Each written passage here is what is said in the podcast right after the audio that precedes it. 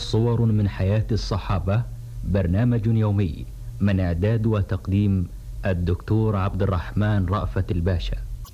هذه مدينة رسول الله صلى الله عليه وسلم ما تزال تكفكف أحزانها على فقد الصديق. وها هي ذي وفود الأمصار تقدم كل يوم على يثرب مبايعة خليفته عمر بن الخطاب على السمع والطاعة في المنشط والمكره. وفي ذات صباح قدم على أمير المؤمنين وفد البحرين مع طائفة أخرى من الوفود وكان الفاروق رضوان الله عليه شديد الحرص على أن يسمع كلام الوافدين عليه إذ كان كلامهم لا يخلو من موعظة بالغة أو فكرة نافعة أو نصيحة لله ولكتابه ولعامة المسلمين. فندب عددا من الحاضرين للكلام فلم يقولوا شيئا. فالتفت إلى رجل توسم فيه الخير وأومأ إليه وقال هات ما عندك.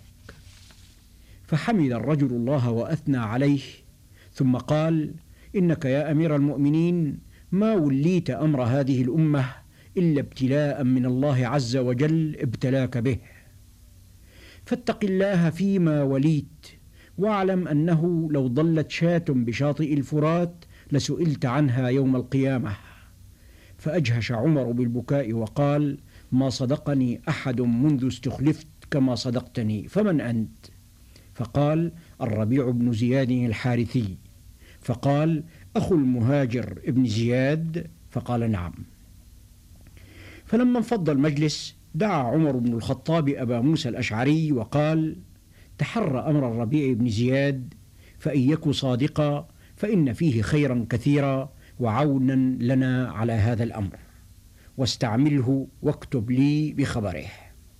لم يمض على ذلك غير قليل حتى أعد أبو موسى الأشعري جيشا لفتح مناذر من أرض الأهواز بناء على أمر الخليفة وجعل في الجيش الربيع بن زياد وأخاه المهاجر. حاصر أبو موسى الأشعري مناذر وخاض مع أهلها معارك طاحنة قلما شهدت لها الحروب نظيرا فقد أبدى المشركون من شدة البأس وقوة الشكيمة ما لم يخطر على بال وكثر القتل في المسلمين كثرة فاقت كل تقدير. وكان المسلمون يومئذ يقاتلون وهم صائمون في رمضان فلما رأى المهاجر أخو الربيع بن زياد أن القتل قد كثر في صفوف المسلمين عزم على أن يشري نفسه ابتغاء مرضات الله فتحنط وتكفن وأوصى أخاه. فمضى الربيع إلى أبي موسى وقال إن المهاجر قد أزمع على أن يشري نفسه وهو صائم والمسلمون قد اجتمع عليهم من وطأة الحرب وشدة الصوم ما أوهن عزائمهم وهم يأبون الإفطار فافعل ما ترى. فوقف أبو موسى الأشعري ونادى في الجيش يا معشر المسلمين عزمت على كل صائم أن يفطر أو يكف عن القتال. وشرب من إبريق كان معه ليشرب الناس بشربه. فلما سمع المهاجر مقالته جرع جرعة من الماء وقال والله ما شربتها من عطش ولكنني أبررت عزمة أميري. ثم امتشق حسامه وطفق يشق به الصفوف ويجندل الرجال غير وجل ولا هياب فلما أوغل في جيش الأعداء أطبقوا عليه من كل جانب وتعاورته سيوفهم حتى أردوه صريعا ثم إنهم احتزوا رأسه ونصبوه على شرفة مطلة على ساحة القتال. فنظر إليه الربيع وقال طوبى لك وحسن مآب والله لأنتقمن لك ولقتل المسلمين إن شاء الله. فلما رأى أبو موسى ما نزل بالربيع من الجزع على أخيه وأدرك ما ثار فيه من الحفيظة والحمية تخلى له عن قيادة الجيش ومضى إلى السوس لفتحها بأمر من خليفة المسلمين. هب الربيع وجنده على المشركين هبوب الإعصار وانصبوا على معاقلهم انصباب الصخور إذا حطها السيل فمزقوا صفوفهم وأوهنوا بأسهم ففتح الله مناذر, مناذر للربيع بن زياد عنوة فقتل المقاتلة وسب الذرية وغنم ما شاء الله أن يغنم. لمع نجم الربيع بن زياد بعد معركة مناذر وزاع اسمه على كل لسان وأصبح من القادة الذين يرجون لجلائر الأعمال. فلما عزم المسلمون على غزو سجستان عهدوا إليه بقيادة الجيش وأملوا على يديه النصر. مضى الربيع بن زياد بجيشه الغازي في سبيل الله إلى سجستان عبر مفازة طولها خمسة وسبعون فرسخا تعيا من قطعها الوحوش الكاسرة من بنات الصحراء. فكان أول ما عرض له رستاق زالق على حدود سجستان وهو رستاق عامر بالقصور الفخمة محوط بالحصون الشامخة وافر الخيرات كثير الثمار. بث القائد الأريب عيونه في رستاق زالق قبل أن يصل إليه فعلم أن القوم سيحتفلون قريبا بمهرجان لهم فتربص بهم حتى بغتهم في ليلة المهرجان على حين غرة وأعمل في رقابهم السيف وأخذهم عنوة. فسبى منهم عشرين ألفا. ووقع دهقانهم في يده أسيرا وكان بين السبي مملوك للدهقان فوجدوه قد جمع ثلاثمائة ألف ليحملها إلى سيده. فقال له الربيع من أين هذه الأموال؟ فقال من إحدى قرى مولاي. فقال له وهل تعطيه قرية واحدة مثل هذا المال كل سنة؟ فقال نعم. فقال وكيف؟ فقال بفؤوسنا ومناجرنا وعرقنا.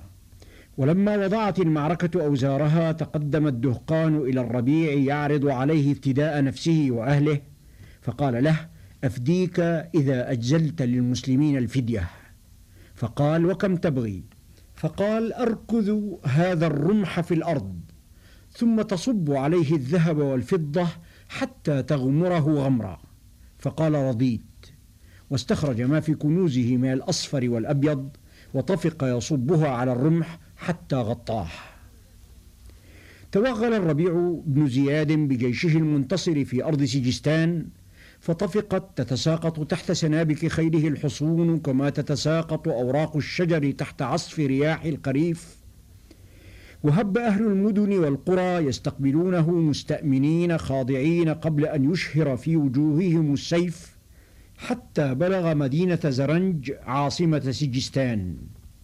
فإذا بالعدو قد أعد لحربه العدة وكتب للقائه الكتائب واستقدم لمواجهته النجدات وعقد العزم على أن يذوده عن المدينة الكبيرة وأن يوقف زحفه على سجستان مهما كان الثمن غاليا.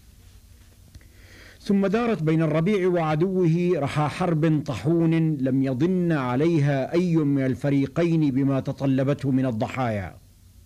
فلما بدرت أول بادرة من بوادر النصر المسلمين رأى مرزبان القوم المدعو برويز أن يسعى لمصالحة الربيع وهو ما تزال فيه بقية من قوة لعله يحظى لنفسه ولقومه بشروط أفضل. فبعث إلى الربيع بن زياد رسولا من عنده يسأله أن يضرب له موعدا للقائه ليفاوضه على الصلح فأجابه إلى طلبه. طلب الربيع من رجاله أن يعدوا له المكان لاستقبال برويز وأمرهم أن يطرحوا له في صدر المجلس جثة قتيل ليجلس عليها وأن يضعوا له جثتين أخريين لتكونا متكأ له. وأن يلقوا طائفة كبيرة من جثث القتلى حول المجلس ليجلس عليها الجند كما لو كانت فرشا لهم ووسائد وكان الربيع طويل القامة عظيم الهامة شديد السمرة ضخم الجثة يبعث الروع في نفس من يراه. فلما دخل عليه برويز ارتعدت فرائصه جزعا منه وانخلع فؤاده هلعا من منظر القتلى فلم يجرؤ على الدنو منه وخاف فلم يتقدم لمصافحته. وكلمه بلسان متلجلج ملتاث وصالحه على أن يقدم له ألف وصيف وعلى رأس كل وصيف جام من الذهب فقبل الربيع وصالح برويز على ذلك.